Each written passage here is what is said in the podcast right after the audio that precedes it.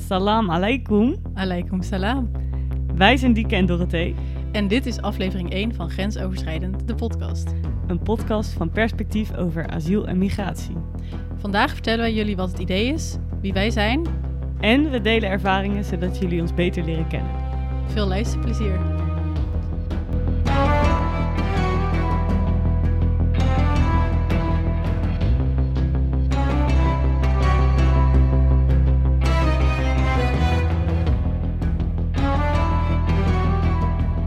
Dieke, wil jij aftrappen? Yes, laten we beginnen. Ehm, ik ben Dieke, 23 jaar en in het normale leven werk ik als ambulant begeleider in de jeugdzorg. En sinds een eh, half jaar ben ik eh, lid van Perspectief en eh, ben ik daar wat dingetjes aan het doen, zoals deze podcast. Ehm, en we zouden ook iets vertellen over onze ervaringen. Ja, want wat heb- heeft dit met migratie te maken? Ja, ehm, ik zit bij eh, Perspectief ook in de werkgroep Asiel en Migratie. Ehm, en daar ben ik eigenlijk ingerold omdat ik in 2019 naar Lesbos ben vertrokken in mijn tussenjaar. Ehm, en daar heb ik vluchtelingenwerk gedaan en in Kamp Moria heb ik toen gewerkt. Ehm, en vanuit daar ben ik in Nederland ook aan de slag gegaan met vluchtelingen, omdat ik vooral zag wat er fout ging in vluchtelingenwerk. En in Nederland wilde ik graag zien wat er gebeurde als mensen integreren en goed terechtkwamen. En nou, toen ben ik in meerdere plekken van Europa geweest. En ook in Libanon en Syrië afgelopen jaar om te kijken wat daar gebeurde. Dus ik heb overal een beetje hapsnap wat gezien van eh, migratie en de gevolgen daarvan. Vet interessant. Daar horen we graag zo later meer over. Dat komt zeker goed. en eh Dorothee, vertel, wie ben jij? Ja, ik ben dus Dorothee, 23 jaar. Afgelopen eh, week zelfs begonnen aan mijn master, Middle Eastern Studies. Ehm, dat geeft al aan dat ik veel eh, interesse heb in het gebied waar eh, momenteel veel vluchtelingen vandaan komen. Maar ehm, ik, ehm, ja, ik heb veel vluchtelingenwerk gedaan in Calais, Duinkerken in Noord-Frankrijk.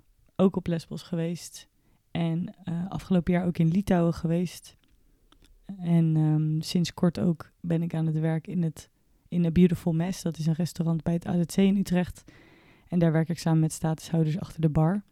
Wat echt heel leuk is. Heel tof. Dus je bent heel gelijkwaardig met hun aan het werk. Ja, en ik Nice. kan ook, wat jij net zelf zei ook, het is best wel mooi om ook te zien hoe de integratiekant van het hele verhaal gaat. Want in vluchtelingenkampen ehm, zie je vooral de hele vervelende kanten van vluchtelingen bestaan. Ehm, maar daar zullen we straks wat meer over vertellen. Ja, en je hebt een super vette stichting. Ja, dat ben ik nog vergeten te vertellen. Ja, ik heb afgelopen jaar een stichting opgericht. ehm, zodat we, nou eigenlijk, zodat ik structureel met een, met een paar vriendinnen aan de slag kan blijven gaan om donaties in te zamelen. Voornamelijk voor Noord-Frankrijk. Dus eh, daar kom ik regelmatig om spullen te brengen. Dus als je nog wat hebt, dan, dan neem ik het graag van je over. Of eh, als je tentjes wilt ruimen op een festival, dan ben je ook kan welkom. dat ook. Ja, zeker. Zeker. Maar over tenten gesproken, want hoe kennen wij elkaar eigenlijk? ja, wij kennen elkaar via tentprotest. Dat eh, heb, je heb je vast van gehoord als je deze podcast luistert. Ja. Daar gaan we gewoon vanuit. Ehm, maar voor degenen die dat misschien niet weten, tentprotest is eigenlijk ontstaan nadat vorig jaar er mensen buiten hebben geslapen in Nederland. Of is dat alweer twee jaar geleden? Vorig Nee, jaar. vorige Vorig zomer. Ja, vorige, Vorige zomer. zomer. En eh, dat dreigde dit jaar weer te gaan gebeuren. En eh, toen dachten een aantal mensen, waaronder jij, ehm, dat mag niet gebeuren en eh, we gaan protesteren. Ja, en toen hebben we bedacht, ehm, omdat de, nou, toen, toen moesten er allemaal asielzoekers slapen bij het aanmeldcentrum in Ter Apel. En we dachten, ze mochten niet eens tentjes gebruiken. Dus wat als wij nou buiten gaan slapen in tentjes, om te laten zien dat dat wel kan en dat we ze wel menswaardig willen behandelen. Maar ook een oproep doen dat het eigenlijk dus heel gek is dat dat moet in een land als Nederland. Ehm, en daar zijn Dieke en ik elkaar tegengekomen voor het eerst. Ja, ergens 's avonds dat, eh, dat ik Dorothee voor het eerst zag met een eh, petje en in een super joggingsbroek. Ja, hard werken moet wel in comfortabele kleren gebeuren. Ja, maar het- we, we hebben nu niet verteld dat het echt ziek koud was. Ja, het, was, was het vroor s'nachts. Het was twee, ja, het was twee graden. Ik denk aan de, aan de grond vroor het. En wij sliepen in tentjes. Maar oprecht super lekker geslapen. Hm. Ja. Dus maar dat- goed, menig één slaapt niet zo lekker op die plek. Nee. Ehm, dus wij hadden dan wel weer geluk. Ja. Maar Dorothee, goed om eh, te vertellen, waarom zitten we nu hier vandaag? Waarom gaan we deze podcast opnemen? Ja, ehm, ik denk dat jullie allemaal wel hebben vernomen, aangezien jullie bij perspectief zitten of interesse hebben in perspectief, ehm, dat de ChristenUnie, onze moederpartij, eh, de coalitie onder andere heeft laten vallen om het, op het thema migratie. En dat is voor de zomer was de directe aanleiding daarvoor was dat de gezinshereniging op de tocht stond. En ehm, nu willen we eigenlijk deze podcast een beetje wijden aan verschillende blikken op migratie en asiel in Nederland richting de verkiezingen. Ehm, waarin we een beetje mythes willen ontkrachten of juist ehm, mooie verhalen willen delen. Waarin we eigenlijk een best misschien realistisch beeld krijgen van, ehm, van migratie en asielzoekers in Nederland. Want er doen heel veel mythes de ronde. En wij staan zelf denk ik best positief jegens vluchtelingen. Maar misschien worden, worden wij ook wel voor een bepaald. eh, in, een bepaald eh, ja, in een bepaald beeld worden we ook verrast of gaan mensen ons dingen vertellen. Ehm, dus ik ben heel benieuwd hoe dat gaat overkomen. Ja, want we gaan ook mensen uitnodigen. Ehm, en daarin weten we natuurlijk nooit van tevoren wat mensen gaan vertellen. Dus eh, dat is inderdaad spannend. Ja, ehm, Maar ook heel goed om met elkaar daarover in gesprek te gaan. Want het is goed om van alle kanten het verhaal te horen. Dat is inderdaad wat we willen bereiken met deze podcast. ja. En we willen doorgaan naar het volgende rubriekje, wat hopelijk een vast rubriekje wordt. Ehm, ja, wie of wat is er deze week de grens over gegaan wat betreft asiel en migratie in Nederland? We willen wel leuke woordgrapjes blijven houden, namelijk met onze mooie grensoverschrijdende podcastnaam. Ja, dus mocht jij nog leuke woordgrapjes weten, eh, laat, ze, laat ze alsjeblieft onze kant op komen. maar Dieke, heb jij een eh, gevalletje van deze week? Ja, die heb ik zeker. Ehm, eigenlijk is diegene al iets eerder de grens overgegaan. Maar deze week ehm, was ik gewoon opnieuw teleurgesteld. Zo kan ik het denk ik het beste zeggen. Ehm, ik opende mijn NOS-app en daar zag ik dat eh, Rutte erg teleurgesteld eh, was in de Tunesië-deal. Omdat hij meer had verwacht van... Dieke, wat is een Tunesië-deal? ja, dat is wel goed om uit te leggen. Ehm, en best wel moeilijk ook. Maar in het kort gezegd is de Tunesië-deal een deal die Europa met Tunesië heeft gesloten over het terugdringen van de aantallen eh, mig- migranten. Dus Tunesië krijgt, een, eh, krijgt geld van Europa om eh, migranten daar te houden eigenlijk. Ja. Met alle gevolgen van dien. Want er stappen heel veel mensen in bootjes vanaf Tunesië richting vooral Italië dan. Ja. Ja. En het is dus de bedoeling dat dat niet gebeurt. Eigenlijk dat mensen die overtocht niet gaan maken. En daarvoor is de Tunesië-deal in het leven geroepen. En wat is daar het probleem van? Ehm, ja, wat niet, zou ik bijna willen zeggen. Ehm, maar ja, dat, ehm, ja, eigenlijk pak je natuurlijk niet het, de oorzaak van het probleem aan. En je gaat gewoon heel erg symptoom bestri- bestrijden. Dus dat mensen ehm, hier naartoe willen komen, dat is best wel logisch, omdat ze vluchten voor hun leven. En dan ga je eigenlijk nou, de overtocht zo moeilijk mogelijk maken of het leven daar heel zuur maken van mensen. Ehm, dus ja, je leest best wel heel veel verhalen over mensen in de woestijn ehm, die geen onderdak hebben, geen eten.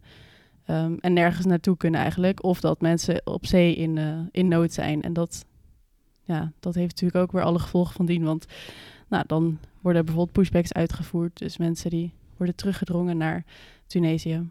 Ehm, en dat is heel erg gevaarlijk, midden op zee. Ja, ja er, er zijn ook al eh, nieuwe, nieuwe getallen gedeeld over mensen die overlijden op zee en in de woestijn ook bij Tunesië, omdat ze worden gepushbacked.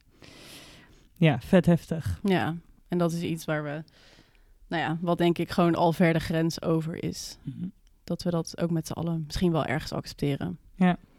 Ehm, en voor jou, wat was voor jou eh, wie of wat? Ja, ik ga, ehm, ik ga helaas ook in de VVD-hoek zeggen, zitten. We zeggen nee tegen de VVD.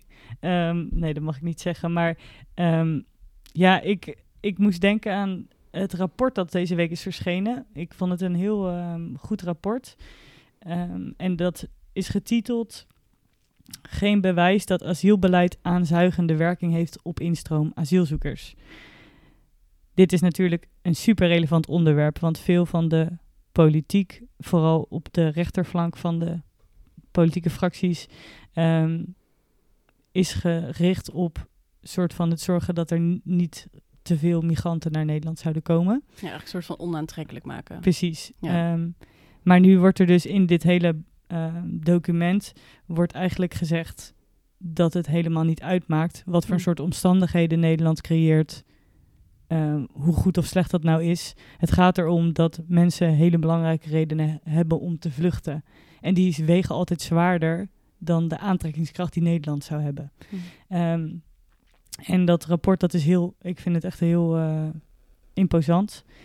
Maar zelfs de dag nadat dat was verschenen, zei minister van Justitie en aankomend lijsttrekker van de VVD, Jezilgus, die zei ehm, nog steeds in bepaalde retoriek van, ja, we, mogen, we moeten Nederland minder aantrekkelijk maken voor vluchtelingen. Hm. Ehm, dat ik echt denk, je bent hier nu alleen een promopraatje aan het houden voor alle stemmers die, die dit willen horen. Terwijl je eigen ministerie de dag daarvoor een rapport heeft uitgebracht over dat dat dus niet waar is. Of dat, ja, dat het gewoon niks van klopt. Dus ik word daar gewoon heel geïrriteerd van, omdat ik denk, ja, ehm, mensen komen uit zulke zware omstandigheden. En dan ga je als minister, terwijl je beter weet, Hm. ga je een beetje op mensen onderbuikgevoelens inpraten.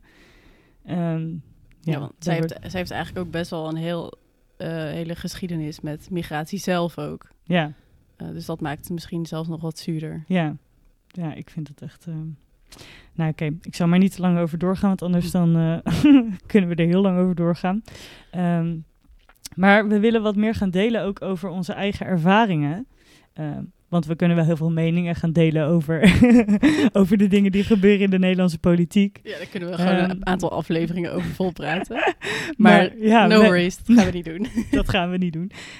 Maar we willen wel wat meer delen ook van onze eigen ervaringen en waarom we het zo belangrijk vinden om hierover te praten.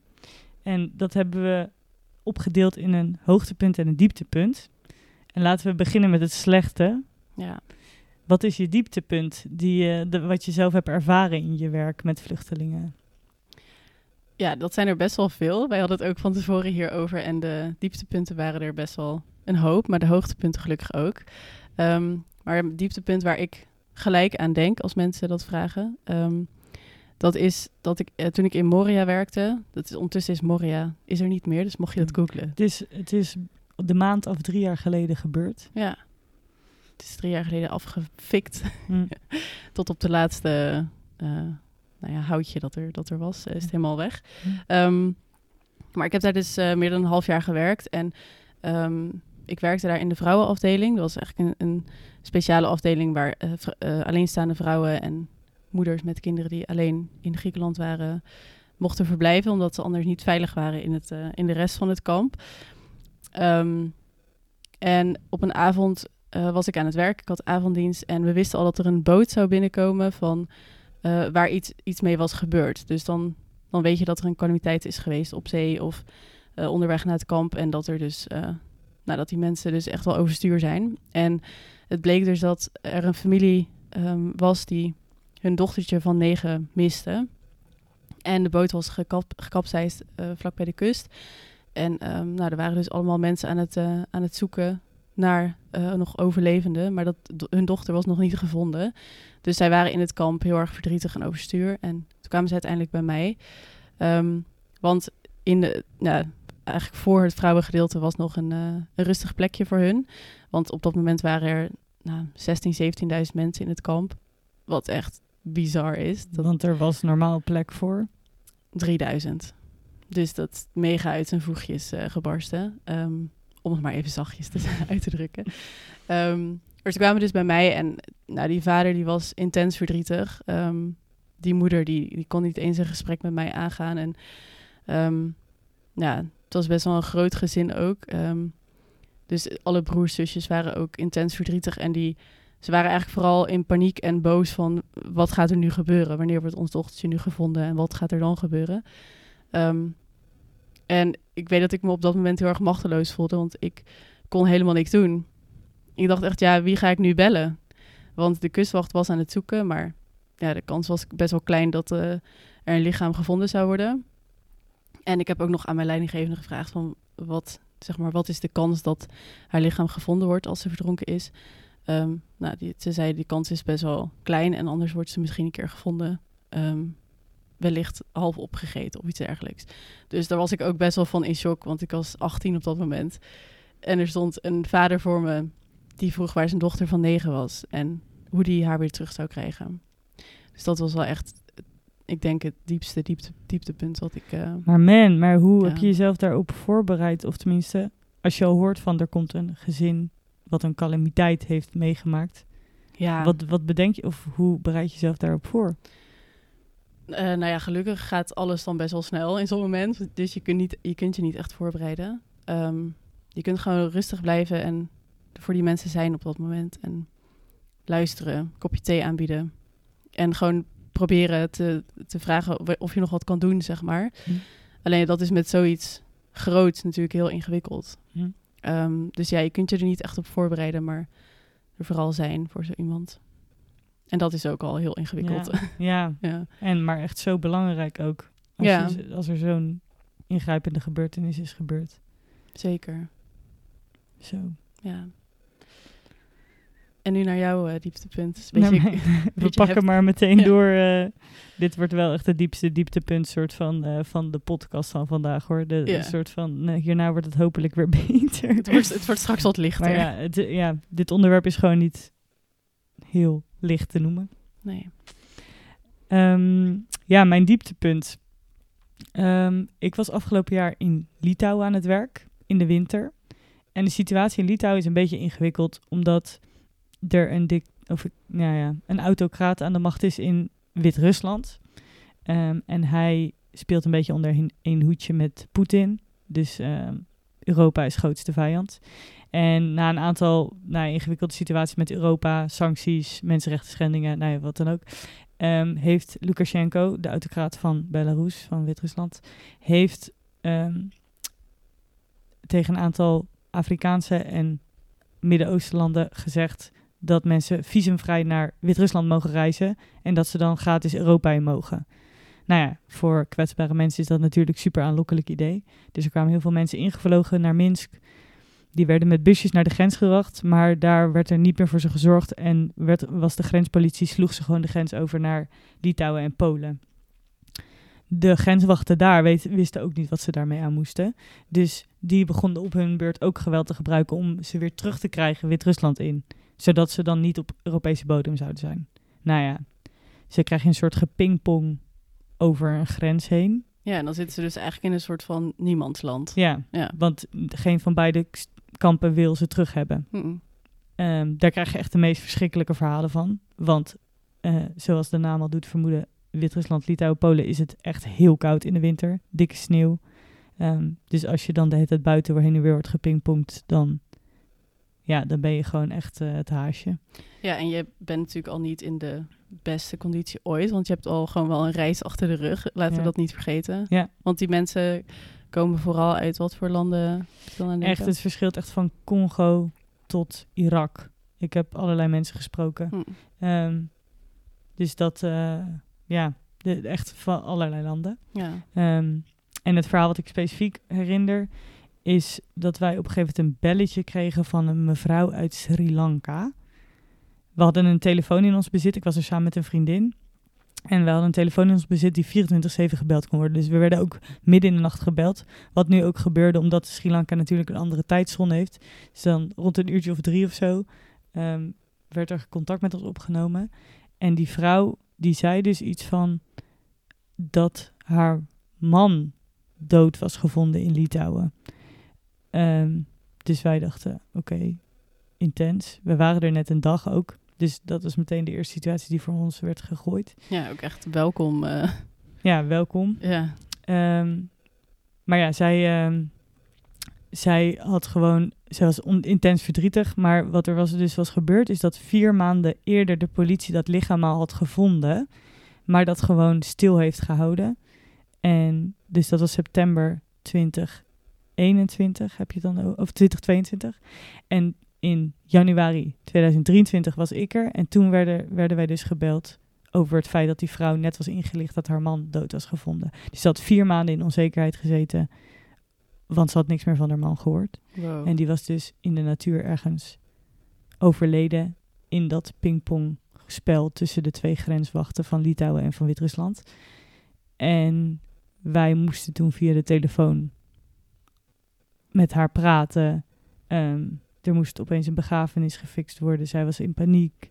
Ehm, we moesten ook naar het mortuarium waar die man lag. Nou ja, van alles. Ehm, ja, daar ben je gewoon echt niet op voorbereid dat dat op zo'n manier dat je op zo'n manier werk moet leveren. En wat lijp ook dat je als vrijwilliger zijnde daarmee in aanraking komt. Ja. Ja, want het is dus ook zo, dit, dit probleem met Wit-Rusland is sinds twee jaar nu. Dus is relatief nieuw. De overheid weet ook totaal niet, of de Litouwse overheid wist ook totaal niet hoe ze daarop moest reageren. En dit was dus ook de eerste geregistreerde dode migrant op Litouwse bodem. Wat er wel weer voor zorgde dat toen we de pers inschakelden hierover, ehm, dat we toen een interview mochten doen op de nationale televisie hierover, waardoor we wel weer heel veel aandacht konden genereren voor het probleem. Want veel Litouwers wisten ook helemaal niet wat er aan de hand was aan de grens.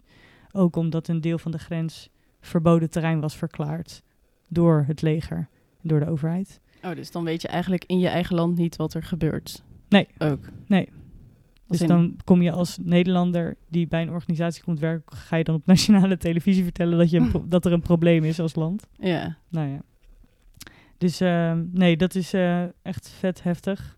En, ehm, maar ja, En, en Ehm. hoe, re- hoe reageerde die vrouw als je, zeg maar, dan gaat een, een vreemde gaat met jou in gesprek daarover. Zeg maar, hè, jij bent een vreemde voor haar, die gaat, je dan ga je met haar in gesprek over dat haar man is overleden en wat te doen.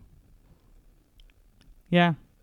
Ehm, je, je gaat gewoon echt alle dingen bedenken die je ook tegen een dierbare in je eigen omgeving zou zeggen. Hm. ja, ik, ik ben echt alleen bekend met dood als het gaat om dat mijn eigen opa is overleden, gewoon van ouderdom.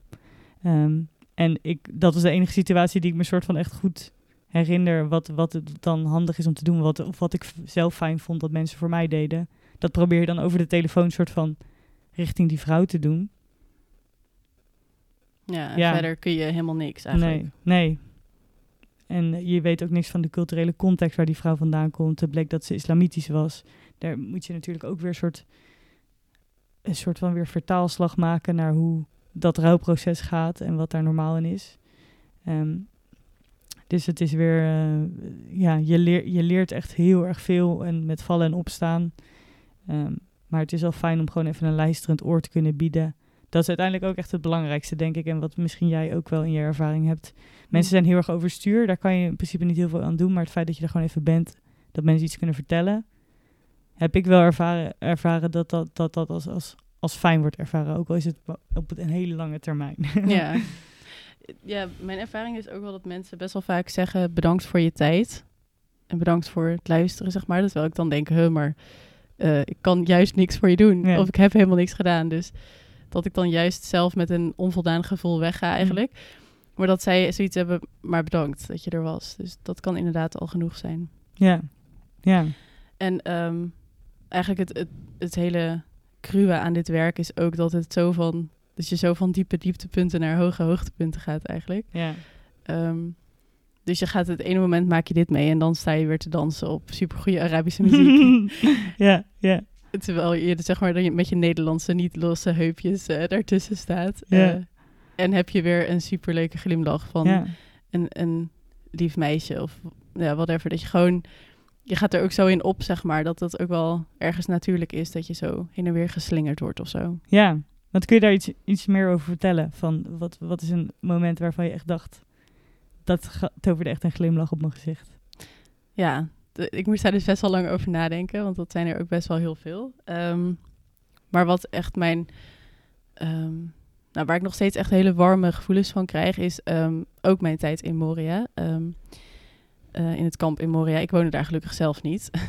maar als ik daar werkte en door het kamp heen liep, ehm, er was een hele eh, steile heuvel omhoog. Ehm, elke vrijwilliger vond dat verschrikkelijk, want meestal moest je men- mensen verhuizen met hun tentje en allemaal eh vuilniszakken omhoog. En dat was best wel zwaar. Maar langs die heuvel op een gegeven moment maakten mensen ehm, daar allemaal marktje, marktjes. En gingen ze daar van alles verkopen. En dat was echt fantastisch, want dan zag je echt mensen hun creativiteit eh, naar boven komen. En dat ze eigenlijk hun, hun cultuur ook weer daar brachten. Dus dan liep je naar boven die heuvel op en dan kwam je in een soort van eh, Syrische markt terecht, waar iedereen dan aan het roepen was. En er was iemand vis aan het bakken en hadden ze hun eigen overgemaakt. Dus dat was eh, echt mega tof. Als ik daar aan terugdenk, dan ja, ik weet niet, het was echt heel speciaal. Wat, en wat bijzonder ook, wat, het klinkt echt als heel veerkrachtig als je in zo'n vervelende situatie zit. Dat je dat oppakt. Echt heel knap. Want er zijn, ja, ik denk, ik denk wel eens als wij Nederlanders zouden vluchten, zouden we echt lamme vluchtelingen zijn.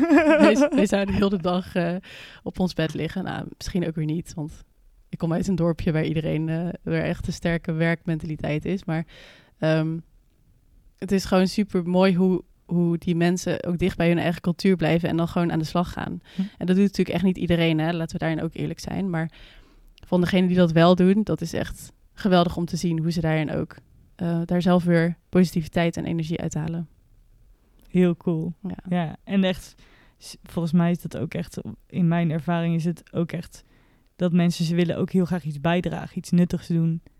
Dat ze daar zelf ook echt een soort ervaring van nut uithalen. Dat ze lekker aan de slag kunnen. ja, absoluut. Want mensen moeten natuurlijk ook best wel lang wachten. Dus het is, als je dan negen maanden niks doet, ja, dat heeft natuurlijk een en- enorme impact. Hm. Dus als je dan kan bijdragen, dat is alleen maar fijn. Ja, En vertel, wat is jouw eh, positieve ervaring of jouw hoogtepunt? mijn hoogtepunt. Ja, ik moet denken aan ook eh, mijn tijd op Lesbos, maar ik heb er dus gewerkt na Kamp Moria. Eh, want het kamp wat is afgefikt, daar is later een paar kilometer verderop een nieuw kamp voor in de plaats gekomen. Dat heet Mavrovuni. En daar kwamen ook bootjes aan. En wij gebruikten vaak vertalers. Ehm, dat waren, of wij gebruikten vaak vertalers omdat er veel mensen niet Engels praten, eh, maar Arabisch of nou ja, noem maar op. Eh, maar er zitten een aantal mensen natuurlijk uit in de vluchteling, vluchtelingenstroom zelf die wel heel goed Engels of eh, iets kunnen. Ehm, want het zijn vaak best de rijke mensen die kunnen vluchten. Want het kost best wel heel veel geld om de oversteek te maken. Dus die hebben vaak ook goede scholing gehad, dat soort dingen. Ehm, dus vaak kwamen de mensen uit het kamp zelf ons helpen met vertalen. En zo was er een gast uit Somalië. ehm, die had geen onderwijs gehad. Want Somalië is al twintig jaar iets van een... Dat wordt een failed state genoemd. Dus er is al twintig jaar geen centrale overheid die dingen fixt. Dus nou, het land hangt echt houtje touwtje aan elkaar. Dus eh, er zijn geen scholen, er is geen centraal onderwijs. Geen... Nee. Oké, Nee, D- Ehm, dat kan ik me niet helemaal voorstellen als nee. ik in Nederland... eh, echt bizar om te bedenken. Maar die gast kon vloeiend Engels, beter dan ik. Dus ik dacht, wat is dit nou? En hij kwam naar onze balie toe van de organisatie waar we werkten. Hadden we een vaste plek in het kamp. En hij kwam naar onze balie toe omdat hij wilde werken als vertaler. En toen vroegen we hoe hij zo goed Engels kon. En zei hij, ja, ik, ik heb gewoon podcast geluisterd. Dus wij waren heel verbaasd daarover. misschien moeten we deze dan wel in het Engels doen. Ja, ja, wellicht dat dat een betere optie is. Maar hij, hij, had gewoon, hij had gewoon zoveel podcasts geluisterd dat, dat hij zichzelf Engels had geleerd. En dat wilde hij ook heel graag, want hij vertelde dat hij dus wilde gaan studeren. En die kennis weer mee terug wilde nemen naar zijn land, zodat hij verder kon helpen met de opbouw. Want ja, hij was nog net minderjarig, geloof ik, 16, 17. Ehm, en hij wilde gewoon heel graag weer terug naar zijn land om iets bij te dragen. En toen vroegen we dus, joh, wa- waar wil je dan naartoe? Wil je naar Nederland toevallig? Want ja, wij stonden er als Nederlanders een beetje cool te doen. Zei hij, nee, Nederland wil ik niet naartoe, want dat is over 30 jaar overstroomt. dus wij, wij dachten, hè, waar heb jij... Hoe kom je daar nou bij? Zei hij, ja, eh, hij had allemaal podcasts geluisterd over klimaatverandering en over Amerikaanse politiek. En nou ja, hij wist echt heel erg veel Hij was Ehm, super goed op de hoogte. ja, door goed. die podcast. Nou, ik ging helemaal stuk daarom. En ehm, dus hij wilde uiteindelijk naar Duitsland. En de week dat wij vertrokken met onze groep met wie we daar waren, had hij ook ehm, een groen licht gekregen om Europa in te gaan. Dus ik hoop dat hij nu ergens aan het studeren is wat hij wilde en dat hij weer terug naar Somalië kan. Wat Ja. mooi. Echt tof dat, dat je zo mee kan lopen op, op het levenspad van zo iemand eigenlijk. En dan gaan overwinningen mag vieren met elkaar. Ja. ja, dat is echt zo bijzonder. En ook dus die positieve instelling, echt iets willen bijdragen. Ik ik vind dat echt heel bijzonder dat mensen met die mentaliteit zo'n intens gevaarlijke tocht aangaan. Omdat ze dus echt uit gevaarlijke gebieden komen. Ja, want Somalië eh, naar Lesbos is ook echt een best wel een takkeneind, om het even zo te noemen. Ja, ja echt zo. Ja. Wow, wat Eh. knap. Echt respect voor deze gast. En ik eh, hoop inderdaad dat hij lekker aan het studeren is. Ja, echt zo, ja. Ehm, terwijl de onweer eh, op de achtergrond raast, gaan wij door naar ehm, het laatste stukje van de podcast van vandaag. Want, ja, we hebben eigenlijk best wel grote dromen Ja, als we kijken naar nou, wat eigenlijk in ons verleden ligt. Van, hebben best wel grote ideeën van wat zouden we nou graag willen zien in Nederland wat betreft migratie en asielzoekers. En ehm, we willen ook een beetje die dromen gaan voorleggen aan, aan de mensen die we gaan uitnodigen. Om te kijken of het überhaupt realistisch is. Maar nu, deze eerste aflevering, mogen we geloof ik nog groot, groots dromen. Ja, maar we blijven sowieso altijd dromen. Ja, dat scheelt. Maar Dieke, waar, wat zou jij nou zeggen van... dit is echt iets... dit zou ik graag willen zien voor Nederland... wat betreft migratie en asiel. Ehm, als ik denk aan ehm, de morele ondergrens, dan is dat voor mij wel echt ehm, eh, veilige routes. Dat mensen hier veilig kunnen komen. En in Nederland is dat ook gewoon dat mensen hier überhaupt een plekje kunnen krijgen. Dus niet buiten hoeven te slapen bij Ter Apel. Mhm. Ehm, dus echt goede opvanglocaties. Ehm, dat het COA zijn eh, shit een beetje op orde heeft. Hm. Ehm, ja, daar droom ik wel echt van. Eigenlijk gewoon de basis. En als je het hebt over legale routes... Ja, dat gaat eigenlijk een beetje buiten Nederland eh, om. Maar dat is eigenlijk vooral dat mensen eh, niet meer illegaal de grens over... niet meer illegaal, illegaal hoeven te vluchten, zeg maar. Ja. Omdat er zoveel mensenlevens eh, verloren gaan. En ja, de Middellandse Zee een groot kerkhof wordt op deze manier. Ehm, dat zou ik heel graag gewoon willen... ehm, dat dat gewoon verandert. Want dat is gewoon... Ja, dat is zo niet oké. Hm. Dat mag gewoon niet. Ja. En dat mogen wij ook niet normaal gaan vinden, vind Ja. ik.